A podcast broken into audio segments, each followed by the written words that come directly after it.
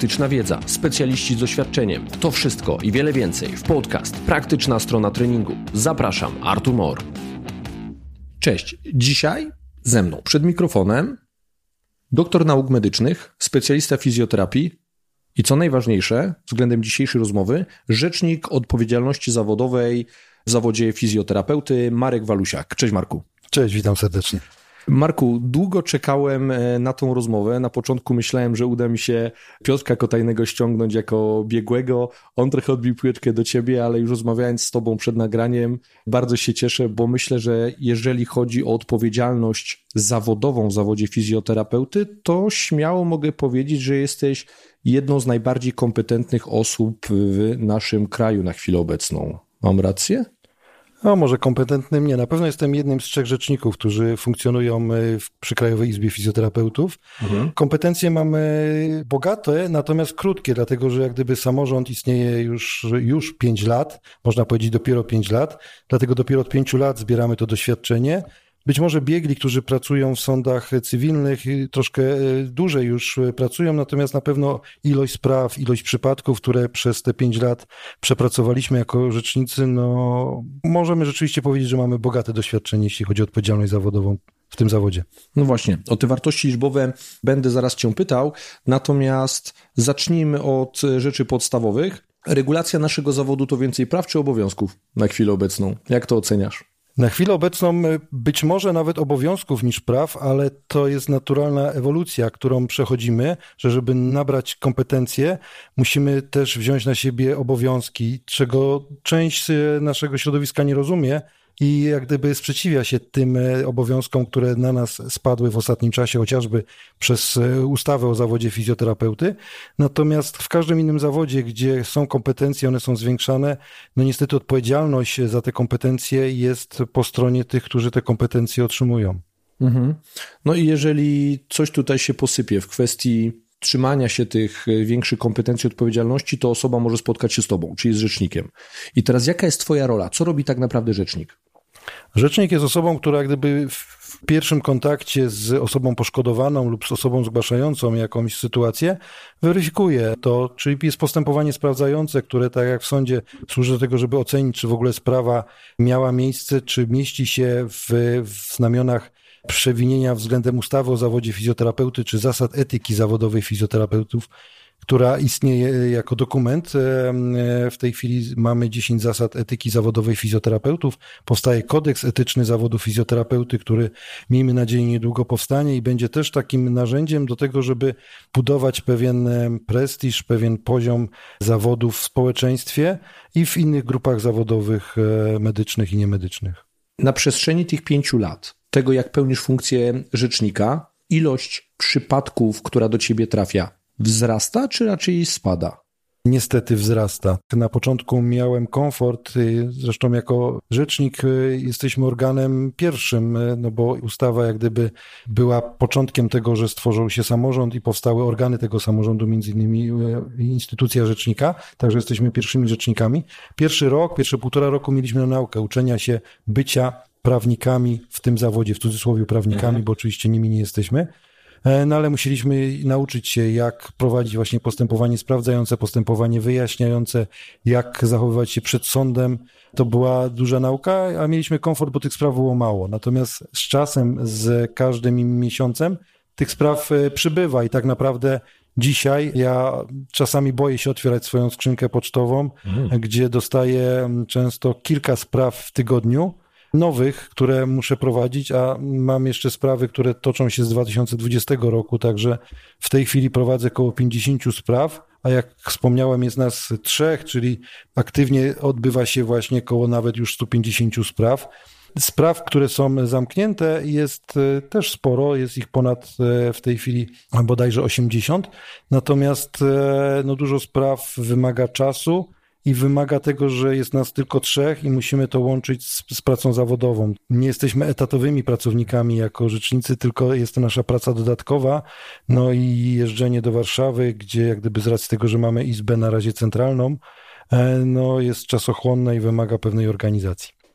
Marku, powiedziałeś o tym, że ilość spraw rośnie. Mnie natomiast interesuje, czy to są sprawy błahe, czy może to są tematy bardzo poważne i gdybyś podał kilka przykładów jakichś historii, z którymi się spotkałeś. Może zanim od ciężkości spraw, to wspomnę, kto może zgłosić skargę do rzecznika odpowiedzialności zawodowej. To najczęściej jest pacjent albo ktoś bliski pacjentowi, albo świadek jakiejś sytuacji, która miała miejsce między fizjoterapeutą a pacjentem.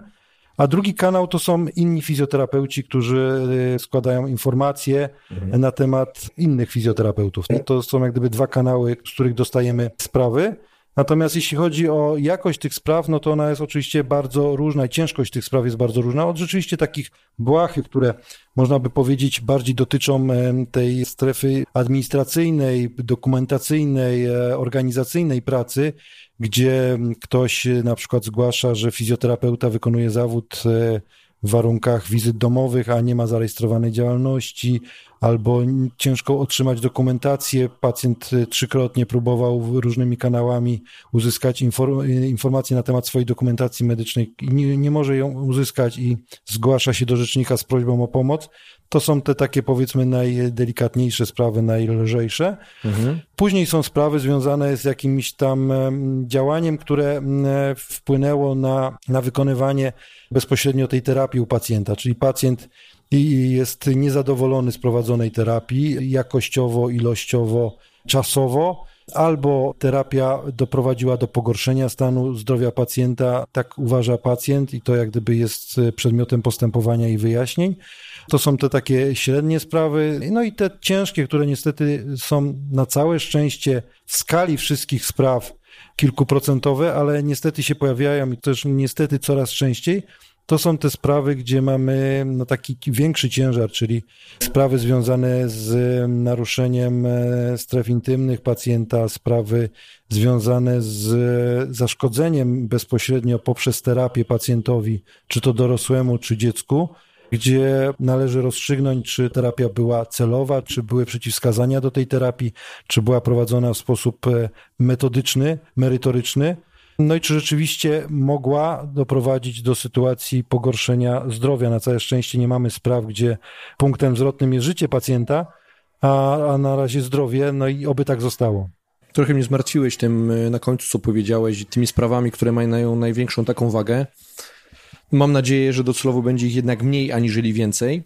Natomiast co grozi fizjoterapeucie, jeżeli uzna się jego zaniedbanie, winę, jak to określamy prawnie?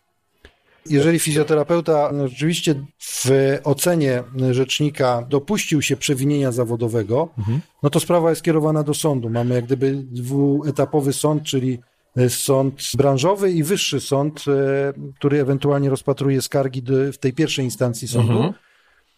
E, no i mamy w ustawie zapisanych kilka kar, które sąd może zasądzić, jak gdyby w, w kontekście wykonywania zawodu fizjoterapeuty, w zależności od tego, jak, jaka jest ciężkość tego przewinienia, czy to przewinienie dotyczy zasad etyki, czy, czy ustawy o zawodzie fizjoterapeuty. Fizjoterapeuta może być ukarany upomnieniem, naganą, karą pieniężną, ograniczeniem prawa wykonywania zawodu albo sprawowania funkcji czasowym lub trwałym. Czyli najcięższą karą e, w, w rozumieniu ustawy jest odebranie prawa wykonywania zawodu fizjoterapeuty permanentnie, czyli na zawsze. Teraz, to, że ktoś trafił pod sąd zawodowy, nie znaczy, że nie trafi pod sąd karny na przykład. Tak, często te sprawy dzieją się równocześnie. To znaczy, e, jeżeli fizjoterapeuta trafił tylko do sądu zawodowego, do sądu przy izbie zawodowej, to tylko jak gdyby może się spodziewać tego, że ewentualnie zostanie fizjoterapeuta ukarany w ten sposób, natomiast na pewno nie może wtedy sąd e, branżowy przyznać odszkodowania, zadośćuczynienia, jakiejś innej rekompensaty dla pacjenta. Także zazwyczaj poparcie tych skarg jest e, argumentowane przez pacjentów w ten sposób, że pacjenci chcą zapobiec, żeby ten fizjoterapeuta zrobił krzywdę innym pacjentom, albo żeby inni pacjenci znaleźli się takiej, w takiej sytuacji, w jakiej znalazł się pacjent albo inni fizjoterapeuci zgłaszają tego fizjoterapeutę, dlatego żeby w jakiś sposób oczyszczać e, prawidłowość wykonywania tego zawodu, i te pobudki mają właśnie taki wydźwięk, a nie są to pobudki tak jak to w sądach cywilnych najczęściej ma miejsce, czyli właśnie renta, odszkodowanie, zadośćuczynienie. Także ta świadomość ludzi zgłaszających też zazwyczaj jest, ale jeżeli zgłaszają sprawę i ona jest ciężka, to zazwyczaj jest zgłoszona na policję, do prokuratury i równocześnie do Rzecznika Odpowiedzialności czy do Rzecznika Praw Pacjenta również. Czy zdarzyły się Wam takie sytuacje, gdzie trafiła do Was sprawa i to Wy podjęliście decyzję, ażeby zgłosić ją do prokuratury? Nie, zazwyczaj te ciężkie sprawy już są e, nie prowadzone przez samych pacjentów, tylko przez e, adwokatów, radców prawnych mhm. czy reprezentantów tych osób. I to jak gdyby już najczęściej na etapie wstępnym adwokat e, zgłasza tą sprawę na policję czy do prokuratury i równocześnie do nas. Te ciężkie sprawy nie zdarzyło się jeszcze tak, że my musieliśmy jak gdyby tą sprawę zgłaszać do innego organu. Co może chronić fizjoterapeutę, kiedy już będzie musiał się skonfrontować, no chociażby z tobą, tak? Mhm. Czyli jaka jest jego polisa, co tak naprawdę go zabezpiecza, co stanowi pierwszą linię jego obrony? To jest ważne pytanie, kluczowe, które często jednak jest bagatelizowane przez nasze środowisko. Nie ma lepszej polisy. Tak z praktyki, kiedy ja y, spotykam się z fizjoterapeutą i zazwyczaj spotykam się ze słowem przeciwko słowu, tak? Bo jest relacja pacjenta, który zeznaje jako świadek i ewentualnie, jeżeli jego zeznania są wiarygodne, i sprawa nabiera toku, czyli wdraża się postępowanie, decyzja o postępowaniu wyjaśniającym, na etapie którego mogę przesłuchać ewentualnie fizjoterapeutę, no to tutaj słowo przeciwko słowu powoduje to, że trudno temu fizjoterapeucie się bronić, tak? Jeżeli jeszcze jest y, jakiś świadek albo jest inna osoba, która w podobny sposób e, relacjonuje zachowanie fizjoterapeuty, to ten fizjoterapeuta jest na straconej pozycji. Jedynym takim e, narzędziem, które może służyć do obrony i które jest e, kluczowe w tym, jest dokumentacja medyczna tego fizjoterapeuty i jej jakość. Nie tylko to, że ona jest, bo wiemy, że ta dokumentacja często jest, ale jest prowadzona w sposób no, naganny, który w żaden sposób nie chroni fizjoterapeutę, a my musimy nauczyć się prowadzić dokumentacji, która będzie merytoryczna, a jednocześnie właśnie będzie narzędziem do tego, żeby się chronić przed roszczeniami pacjentów, a wiemy, że rynek e, zmierza do tego, że ta roszczeniowość nie tylko dla fizjoterapeutów, ale dla innych zawodów, głównie zawodów medycznych, jest coraz większa i musimy mieć tą świadomość, że możemy mieć tysiąc pacjentów, którzy będą zadowoleni z naszych usług, a tysiąc pierwszy będzie w jakiś sposób mniej zadowolony albo niestety poszkodowany i on potrafi nam zniszczyć naszą karierę, nasze życie, jeżeli nie będziemy potrafili się bronić, jeżeli nie będziemy mieli odpowiedniej dokumentacji. Czyli warto być skrupulatnym.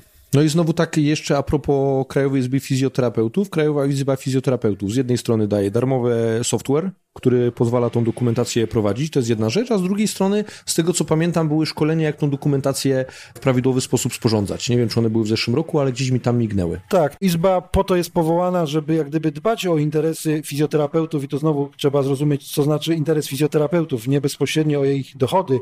Nie jest to rola Izby, natomiast y, dbanie o to, żeby fizjoterapeuta miał narzędzia, do tego, żeby prawidłowo i skrupulatnie e, pracować z pacjentem i między innymi właśnie prawidłowo prowadzić dokumentację medyczną, czyli potrafić ją prowadzić. Nas tego nie uczono na studiach. My się tego uczyliśmy albo od lekarzy, albo od pielęgniarek, albo od innych zawodów. Natomiast e, nie potrafimy poprzez naszą edukację tej dokumentacji prowadzić, dlatego te szkolenia były potrzebne i, i były darmowe. No i oczywiście narzędzie w postaci programu, bo wiemy, że w tej chwili ta elektroniczna dokumentacja medyczna jest standardem, jest obowiązkiem. No i dzięki temu też jej waga jest dużo większa niż ta dokumentacja papierowa, bo wiemy, że dokumentację papierową łatwo stworzyć w sposób wsteczny, natomiast elektroniczna dokumentacja już nie ma tej możliwości i jest dużo większym dowodem e, w postępowaniu niż dokumentacja papierowa. Podzielam. Zresztą tu nie ma co podzielać, tu trzeba się z tym zgodzić tyle, bo to są fakty. Marku, teraz zawód fizjoterapeuty jest samodzielnym zawodem. Mimo wszystko, ja mu będę mówił głównie z perspektywy fizjoterapii ortopedycznej, która mi jest najbliższa. Fizjoterapeuta ortopedyczny będzie pracował bardzo często przy ortopedzie. Nie? Czyli ten pacjent tak. prowadzony będzie głównie przez lekarza, specjalistę ortopeda, traumatologa. I moje obserwacje są takie, że jeżeli w tym procesie leczenia i rehabilitacji coś się sypie, pojawiają się powikłania, to w pierwszej kolejności atak idzie na ortopedę. Myślę, że można to ekstrapolować na inne specjalizacje, na przykład uroginekologiczną i tak dalej, totalnie jakieś skrajne od tej ortopedycznej, Czy ty to obserwujesz? Czy w ogóle to jest przedmiotem twojego zainteresowania? Generalnie no my jako zawód, tak do czego zmierzamy, czyli do samodzielności zawodowej, no jednak nie unikniemy pewnej współpracy z innymi zawodami medycznymi. Tak podałeś świetny przykład e, między ortopedą a fizjoterapeutą, bo, bo to jest jak gdyby naturalna symbioza, że my powinniśmy być partnerami w pracy nad pacjentem, być zespołem, który się nawzajem uzupełnia, bo my nie mamy wiedzy ortopedycznej ani narzędzi do pracy, jakie ma ortopeda i odwrotnie. I to jest ważne. Natomiast e, ortopeda ma jedną przewagę nad nami, że on już od wielu lat prowadzi tą dokumentację medyczną, a my jej nie prowadzimy. I w momencie, kiedy będzie sytuacja, że pacjent będzie miał jakieś roszczenia, to ten ortopeda, broniąc siebie, jak każdy zdrowo, logicznie myślący człowiek, będzie pewnie nieraz chciał tą odpowiedzialność rzucić na barki fizjoterapeuty, mhm. Pomijając fakt, że ortopeda z pacjentem ma do czynienia raz na miesiąc, a fizjoterapeuta często kilkanaście godzin w miesiącu ma do czynienia z pacjentem. To prawda. Ja myślę, że my trochę właśnie przywykliśmy do tego, że byliśmy tak przyklejeni do lekarza i trochę ta odpowiedzialność była na lekarzu, bo nie byliśmy samodzielnym zawodem. A teraz tak, jesteśmy tak. samodzielnym zawodem, to są pewne dodatkowe prawa, no i jest ten też obowiązek, nie? Obowiązek i trochę też większe no, ryzyko prowadzenia własnej praktyki, nie klinicznej. No tak, do, do, do niedawna, przed wejściem w życie ustawy, nie mogliśmy e, z punktu widzenia prawnego dotykać pacjenta, który nie był zdiagnozowany, nie miał zlecenia na fizjoterapię, a w tej chwili jak gdyby poprzez swoje kompetencje nabraliśmy kompetencje do diagnostyki funkcjonalnej, do oceny funkcjonalnej pacjenta i do ordynowania nawet postępowania fizjoterapeutycznego, co oczywiście było bardzo mm, źle oceniane przez środowisko częściowo lekarskie, bo część lekarzy ucieszyła się z tego, że w końcu będzie miało partnera do pracy. Mhm. Natomiast część oczywiście środowiska była przeciwna temu, że diagnostyka i zlecenia powinny zostać tylko w kompetencjach lekarzy, jak to było do tej pory. Natomiast już jak gdyby wiemy z, z doświadczenia, że, że to my jesteśmy i powinniśmy być specjalistami na tyle wysokiej klasy, żeby móc samodzielnie tego pacjenta ocenić i nawet jeżeli ocenimy go w sposób taki, że nie kwalifikujemy go do fizjoterapii, to powinniśmy wiedzieć, co dalej z tym pacjentem zrobić, czyli być e, właśnie na tym wysokim profesjonalnym poziomie, który jest doceniany. I też musimy się tego nauczyć, że jak pacjent trafia do lekarza, który nie podejmuje się jego leczenia, ale kieruje go do innego specjalisty, kieruje go, gdzie ma szukać pomocy, to ten pacjent bardzo docenia tego lekarza. Mimo, że on mu bezpośrednio nie pomógł, ale docenia ten jego profesjonalizm, że, że nie tyka się wszystkiego, tylko potrafi tego pacjenta pokierować, a my często w naszej pracy, co też jak gdyby obserwuję w tych sprawach prowadzonych, bierzemy się za pacjentów, na których się nie znamy po prostu. W ogóle jak gdyby nie byli do tej pory w kręgu zainteresowania tej jednostki chorobowe, które, które pacjent ma, a z jednej strony chcemy być tak bardzo empatyczni, tak bardzo pro pacjenta, że nie odsyłamy go do innego fizjoterapeuty, nawet który zajmuje się tego typu pacjentami, niekoniecznie lekarza, a podejmujemy się leczenia, co często właśnie skutkuje tym, że później sami mamy problemy. Mhm. Sami się wkopujemy w problemy. Marku, błędy są nieuniknione, ale jak ich skutecznie unikać? Ja trochę dodam pewną narrację do tego, czyli ja śpię spokojnie, dlatego że bazuje na modelu opartym o możliwie najlepsze na dany moment dowody naukowe. Z jednej strony poprawia mi to efektywność mojej pracy, skuteczność, a z drugiej strony sprawia, że czuję się bezpiecznie. Ja nie mogę zrozumieć, dlaczego cały czas część naszego środowiska fizjoterapeutów w jakiś sposób antagonizuje się z tym nurtem evidence-based. Ja już nawet nie mówię pod kątem tej skuteczności i tego, że mamy wiele rzeczy niezbadanych, wiele rzeczy może działać, są dodatkowe efekty terapii. Okej, okay, ja to kupuję. Tam jest wiele jeszcze do zrobienia. Ale ja nie kupuję tego, że ludzie wyzbywają się zdrowego rozsądku i odrzucają te dowody. Sprawiają, że nie stanowią one kor ich pracy zawodowej, nawet z uwagi na to bezpieczeństwo, bo ja bym gorzej spał. Ja bym się bał, że trochę czaruję, jak coś się pokaszani, nawet nie z mojej winy, ale ja chociażby odroczyłem dostęp albo podjęcie przez pacjenta tej zasadniczej terapii, tego właściwego leczenia, pierwszoliniowego, tego z nurtu evidence-based, no to ja będę miał problemy. Tak, no zgadza się i to jest też e, częsty problem, że podejmujemy się terapii, która w żaden sposób nie została zweryfikowana Mało tego, ta terapia nie przynosi efektów, a fizjoterapeuci dalej brną jak gdyby w tą terapię, nie startując z tego odpowiedniego startu, czyli tego poziomu weryfikalności tego, co chcą z pacjentem zrobić. Mało tego, nawet nie stosują takiego podstawowego narzędzia w ocenie tego pacjenta, czyli tych takich najważniejszych żółtych, czerwonych flag w pracy fizjoterapeutycznej, czyli często pacjent, który w ogóle nie powinien trafić do fizjoterapeuty, jest poddawany fizjoterapii i to przez fizjoterapię, który ma tytuł magistra fizjoterapii. To są rzeczy, które musimy zmieniać i pokazywać, dlaczego one są tak istotne. Nie tylko dlatego, żeby promować jedne metody, a inne odrzucać, tylko dlatego właśnie, żeby chronić siebie i chronić pacjenta, bo po to pracujemy, po to wykonujemy ten zawód, który powinien być również naszą pasją, a nie tylko zawodem, żeby mieć poczucie, że pomagamy ludziom i pomagamy w sposób najbardziej skuteczny z możliwych, a nie w jeden z wielu sposobów, bo nie tędy droga, bo chcąc być profesjonalistami, chcąc być uważani w środowisku i wśród pacjentów za profesjonalistów, musimy postępować jak inni profesjonaliści, którzy mają pewne standardy, którzy mają wytyczne do tego, które są zweryfikowane, poparte dowodami naukowymi, a to jest długa droga, ale to jest jedyna droga, którą możemy kroczyć. No i z jednej strony mamy dowody naukowe, a z drugiej strony mamy te zasady etyki zawodowej. Tak. No i to się świetnie uzupełnia. Oczywiście, jest dla siebie tak. komplementarne. Może dwa słowa więcej na temat zasad etyki zawodowej i tego, co się tam tworzy. Jesteś w stanie powiedzieć na ten temat coś więcej? Tak, no tworzy się bardzo duży dokument, który ma podwójne zadanie. Jedno zadanie jest stworzenie dokumentu, które pokazuje, jaki standard w kontekście etyki powinien reprezentować każdy fizjoterapeuta, a drugi to jest narzędzie do stworzenia przedmiotu na studiach, który będzie już na początku te zasady etyki wytłaczał w młodych, przyszłych fizjoterapeutów na poziomie właśnie połączenia tego z pewnymi standardami pracy z pacjentem, potędy droga i to musimy tworzyć od początku. Mam nadzieję, że, bo to jak gdyby należy też do Krajowego Zjazdu Fizjoterapeutów, który odbędzie się w przyszłym tygodniu, drugi już Krajowy Zjazd fizjoterapeutów, że jeżeli nie teraz, to w najbliższej przyszłości rzeczywiście taki standard zasad etycznych w fizjoterapii powstanie, bo te 10 zasad, które w tej chwili są, to jest duży problem nawet dla mnie. One są bardzo ogólnie stworzone, bo musiały być stworzone, natomiast przez to, że nie są szczegółowe, nie są e, precyzyjne, no to też trudno stawiać zarzuty do, tak. do tych zasad. I myślę, że to też jest duże wyzwanie dla naszej grupy społecznej. Stworzenie takiego kodeksu etyki zawodowej fizjoterapeuty, który będzie służył standaryzacji, ale też będzie bronił właśnie tej jakości, którą chcemy reprezentować. Okej, okay. teraz takie pytanie przyszło mi do głowy. No a co jeżeli ktoś, kto tak sobie więcej takiej samowolki chciałby pouskuteczniać i on mówi, nie, ja sobie pójdę w takie klimaty naturopatii, ja sobie trochę odpalę jakąś osteopatyczną miotłę do latania i będę sobie uskuteczniał takie różne altmedowe terapie bez żadnego poparcia. Nie chcę mieć kontaktu z tobą, Marku, bo się będziesz mnie czepiał. Ja to olewam i ja nie chcę być fizjoterapeutą.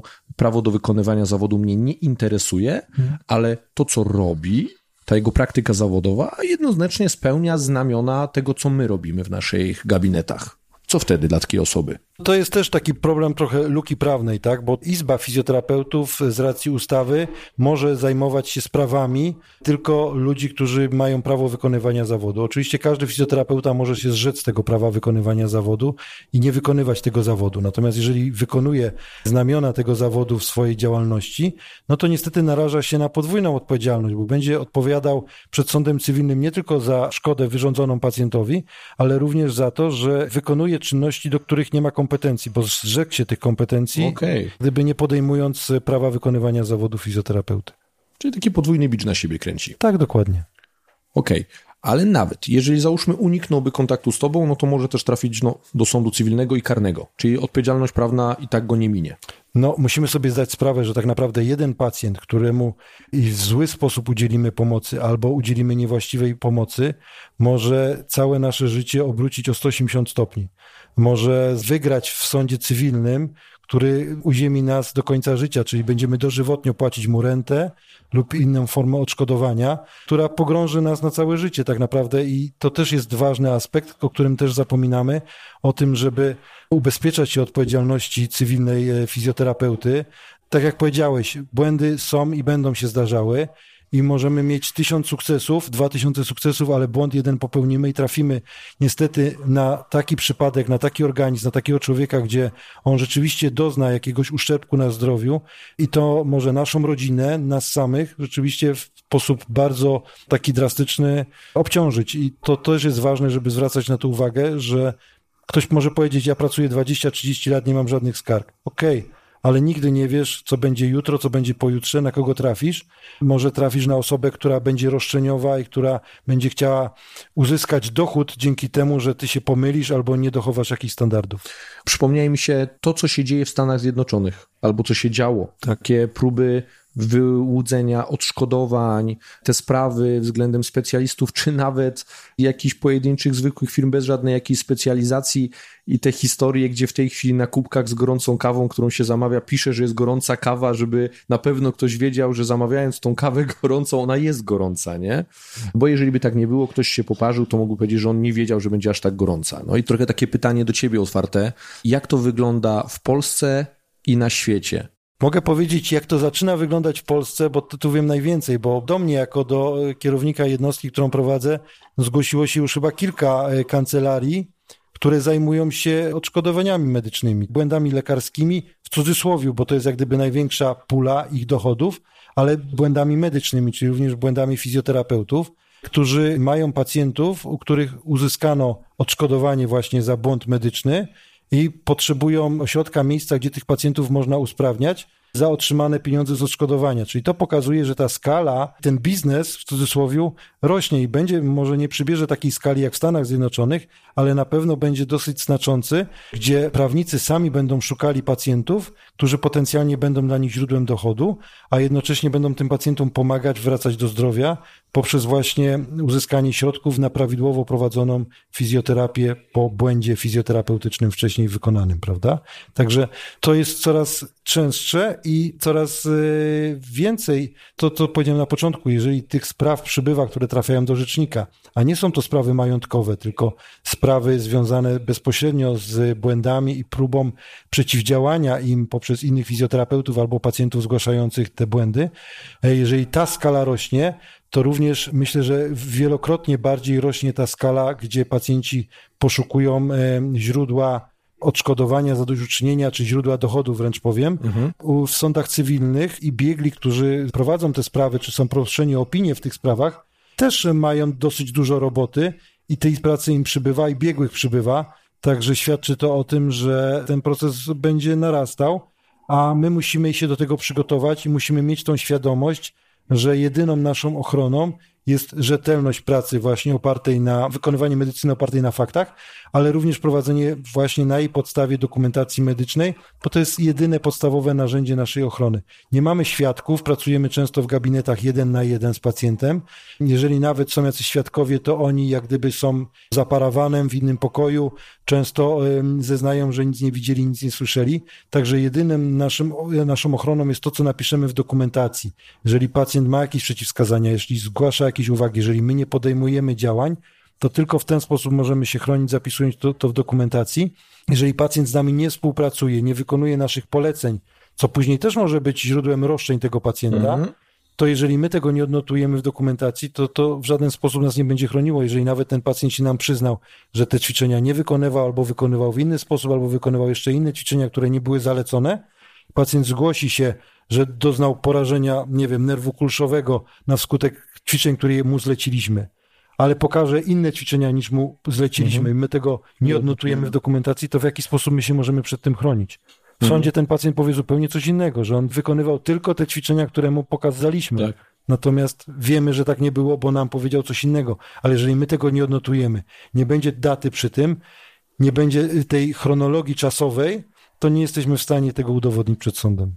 No właśnie, teraz powiedziałeś o takim problematycznym pacjencie, czyli który nie stosuje się do zaleceń, to już nie tak bardziej pytanie jak do rzecznika, tylko raczej jak e, do doświadczonego fizjoterapeuty. Na ile często zdarzyło ci się w twojej karierze zawodowej podziękować takiemu pacjentowi, powiedzieć, że no, no niestety, no ta współpraca się nie układa, ty nie jesteś w stanie go dłużej prowadzić i mu dziękujesz z uwagi na to, że on nie stosuje się do zaleceń? Z racji, tak jak powiedziałeś, doświadczenia, no niestety z tego powodu, że pracowałem z pacjentami i tak zwanymi pacjentami na NFZ i pacjentami prywatnymi i z pacjentami w prewencji rentowej, także bardzo różnymi pacjentami. Bardzo dużo pacjentów nie stosuje się do zaleceń, szczególnie tych pacjentów, którzy mają tak zwaną darmową rehabilitację, czyli, czyli tą NFZ-ową. I to też jest bardzo ważne, że otrzymaliśmy narzędzie, gdzie piszemy opinię do lekarza, który kieruje pacjenta na fizjoterapię, że pacjent nie współpracuje, pacjent nie wykonuje poleceń fizjoterapeutycznych. I często to też jest takim batem w cudzysłowie dla tego pacjenta. Oczywiście wymaga to jeszcze pewnego dopracowania, żeby ten lekarz wymagał tej opinii od pacjenta, żeby ta opinia miała wartość merytoryczną dla lekarza, żeby on w ogóle chciał ją czytać, ale to wymaga pewnego procesu. Narzędzie już jest, ale tych pacjentów jest bardzo dużo. Ja te, w tej chwili pracuję na całe szczęście moje, komfortu mojej pracy tylko z pacjentami komercyjnymi i tam ta współpraca oczywiście jest dużo lepsza, bo pacjent jest nastawiony na wynik i on e, jak nie chce ze mną współpracować, to on sam do mnie nie przyjdzie, ja nie muszę go odsyłać i powiedzieć, mhm. że dziękuję. Natomiast ten pacjent, który jest nastawiony na wynik, często chce współpracować i wykonuje poprawnie ćwiczenia, natomiast z racji doświadczenia wiem, że jak pacjentowi pokażesz ćwiczenia, mhm. to dwa zmodyfikuje, jedno zapomni. Także, tak. także to jest ważne też, żeby mieć tą świadomość, że pacjentowi należy zalecać, tak już praktycznie mówiąc, bardzo łatwe rzeczy do wykonania, które są skuteczne, ale gdzie ryzyko zmiany jest niewielkie. Ja często proszę pacjentów nawet, żeby nagrywali sobie na telefonie to, co mają zrobić, żeby ta pamięć jednorazowa jest krótka, żeby byli w stanie to odtworzyć, powtórzyć, no bo dzięki temu mam szansę, że pacjent zrobi coś, co mu pomoże, a przynajmniej nie zaszkodzi, a nie zrobi sobie krzywdę tymi ćwiczeniami, tak. a potem powie, że on robił to, co kazałem, a przychodzi z opadającą stopą, tak, albo z niedowładem kończyny górnej, bo wykonywał jakieś ruchy, które w ogóle najprawdopodobniej zobaczył na YouTube, a nie w moim gabinecie. Mm, to prawda. Marku, bardzo kompleksowo. Ja myślę, że byłoby w ogóle idealnie, gdyby jeszcze z nami siadł Piotrek Kotajny jako właśnie biegły sądowy i jeszcze dorzuciłby słowo komentarza, o jakie opinie on jest proszony, na przykład co on tam musi pisać, albo czego on się e, Tak, to, to z tego, co ja wiem z rozmowy z Piotkiem, to on tą bardzo trudną pracę ma, bo rzeczywiście z jednej strony jest fizjoterapeutą, a z drugiej strony musi być obiektywny jako biegły. Ta ilość błędów popełnianych przez fizjoterapeutów jest zarażąca i przez to, że jesteśmy tak bardzo zróżnicowanym środowiskiem, bardzo różnie wykształconym, od podstaw, już nie mówię o tym kształceniu podyplomowym, ale o, o, od podstaw, dużo błędów popełniamy i musimy się dużo jeszcze nauczyć ale też musimy mieć tą świadomość, że nie robimy tego tylko dla pacjenta. Oczywiście pacjent powinien być na najwyższym stopniu tej drabinki, ale właśnie dla swojego komfortu, dla swojej jakości życia i pracy, bo tak jak powiedziałem, jeden błąd, jeden zły zapis albo brak zapisu może nas czasami mhm. bardzo wiele kosztować. Wiesz, ja sobie jeszcze tak myślę, że kiedy bazujesz na modelu evidence-based, to wiesz, że czasami coś jest dobre, złe, zasadne, niezasadne. Potrafisz to weryfikować. Ja po to używam nauki. Ale wielu młodych fizjoterapeutów, kiedy kończy tą ścieżkę edukacji akademickiej, potem doszkala się i trochę tak w takiej dobrej wierze, zaczyna korzystać ze szkoleń, którym bliżej do altmedu, aniżeli do tych nurtów fizjoterapii, o których my sobie mówimy, i oni są przekonani, że oni robią dobrze, bo oni na przykład dokonują diagnostyki w postaci nasłuchu. Potem podejmują po tej diagnozie, tym na no, diagnozie, po tym, po tym testowaniu nasłuchem, pada jakaś diagnoza i zaczyna się na przykład leczenie, leczenie z wykorzystaniem terapii kraniosakralnej. Nie? Czyli oni tkwią w jakichś tam błędach, ale robią to w ogóle nieświadomie. I na przykład taka osoba, zupełnie nieświadoma, nagle musi skonfrontować się z tobą i z taką odpowiedzialnością prawną, a ona jest przekonana, że ona robiła dobrze, no bo tak była uczona na szkoleniach, za które wydała grubą kasę.